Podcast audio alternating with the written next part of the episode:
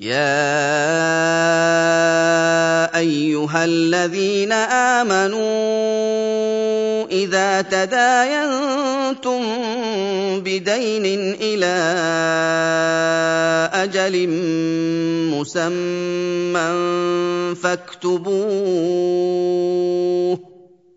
وليكتب بينكم كاتب بالعدل ولا ياب كاتب ان يكتب كما علمه الله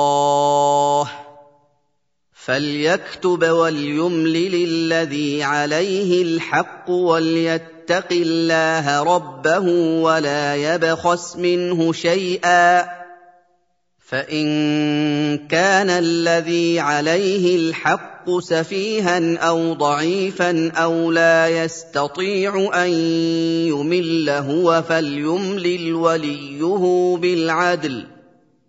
واستشهدوا شهيدين من رجالكم.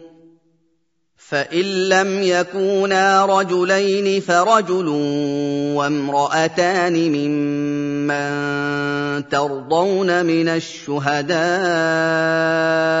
ان تضل احداهما فتذكر احداهما الاخرى ولا يابى الشهداء اذا ما دعوا ولا تساموا ان تكتبوه صغيرا أو كبيرا إلى أجله. ذلكم أقسط عند الله وأقوم للشهادة وأدنى ألا ترتابوا إلا أن تكون تجارة. إلا أن تكون تجارة حاضرة تديرونها بينكم فليس عليكم جناح ألا تكتبوها وأشهدوا إذا تبايعتم ولا يضار كاتب ولا شهيد. وإن تفعلوا فإنه فسوق بكم. واتقوا الله ويعلمكم الله. والله بكل شيء عليم. Wahai orang-orang yang beriman kepada Allah dan mengikuti Rasul-Nya, bila kalian bermuamalah dalam bentuk hutang piutang, di mana sebagian dari kalian memberi hutang kepada sebagian yang lain hingga masa tertentu, maka catatlah hutang piutang tersebut dan hendaknya seorang juru tulis menulis di antara kalian dengan benar dan adil yang sejalan dengan syariat. Hendaknya pencatat tidak menolak untuk mencatat hutang piutang sebagaimana yang Allah ajarkan, yaitu mencatat dengan adil.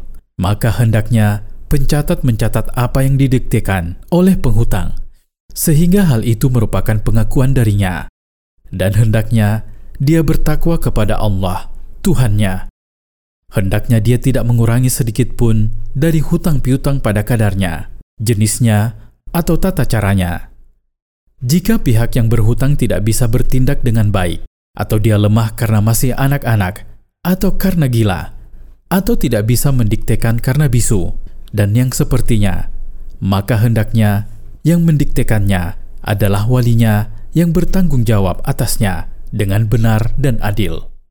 Dan persaksikanlah dengan dua orang laki-laki yang berakal dan adil. Bila tidak ada dua orang laki-laki, maka persaksikanlah dengan seorang laki-laki dan dua orang wanita yang kalian ridhoi agama dan amanah mereka. Sehingga, bila salah seorang dari kedua wanita tersebut lupa, maka yang lainnya mengingatkannya.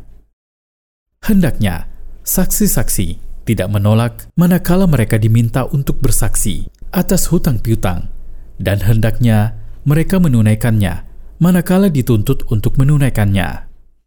Jangan pernah bosan untuk menulis hutang piutang, sedikit atau banyak, hingga masa yang disepakati, karena mencatat hutang piutang lebih adil dalam syariat Allah, lebih kuat dalam menegakkan kesaksian dan menunaikannya, dan lebih bisa menepis keraguan pada hutang piutang dari sisi jenisnya, kadarnya, dan masanya. Kecuali bila akad di antara kalian terjadi untuk barang yang hadir dan pembayaran dengan kontan, maka tidak mengapa tidak menulisnya, karena memang tidak diperlukan. Namun tetap disyariatkan saksi untuk kalian demi menutup peluang persengketaan. Tidak boleh merugikan para pencatat dan para saksi, dan mereka juga tidak boleh merugikan orang yang meminta mereka untuk mencatat dan menjadi saksi. Bila tindakan merugikan itu terjadi dari kalian, maka itu adalah penyimpangan dari ketaatan kepada Allah menuju kemaksiatan kepadanya. Takutlah kalian wahai orang-orang mukmin, kepada Allah dengan melaksanakan perintah-perintahnya dan menjauhi larangan-larangannya. Dan Allah mengajari kalian apa yang baik untuk kalian di dunia dan akhirat kalian. Dan Allah maha mengetahui segala sesuatu. Tidak ada sesuatu pun yang samar baginya. Faidah dari ayat-ayat di atas.